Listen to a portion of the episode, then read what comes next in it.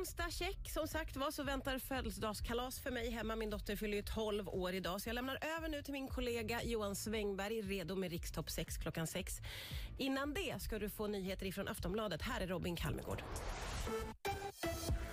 En rysk delegation är nu på väg för att hålla samtal med Ukraina. Det skriver The Guardian och hänvisar till den belarusiska statliga nyhetsbyrån Belta. Det är ännu inte bekräftat var samtalen ska hållas men de blir en fortsättning på det mötet som hölls mellan länderna i måndags. Sverige ska leverera en stor mängd sjukvårdsmaterial till Ukraina. Bland annat ska en miljon munskydd, 50 000 ansiktsmasker och 10 000 bandage levereras efter en förfrågan från EU. Det berättade socialminister Lena Hallengren på en pressträff idag. Det känns bra att vi kan svara upp mot förfrågan. Att vi har ett överskott av material som vi kan avvara också med hänsyn till våra egna behov.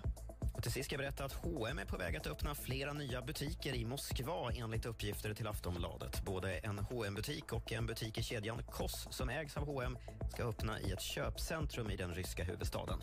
Dessutom var det planerat att H&M ägda butiken Arket också skulle öppna i Moskva på lördag, något som har väckt stark intern kritik.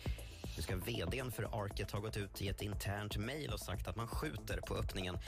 H&M och Ikea är två svenska bolag som fått kritik de senaste dagarna för att de fortsätter sin verksamhet i Ryssland trots rådande situation. Det var de senaste nyheterna och jag heter Robin Kalmegård. Eftermiddagen på Rix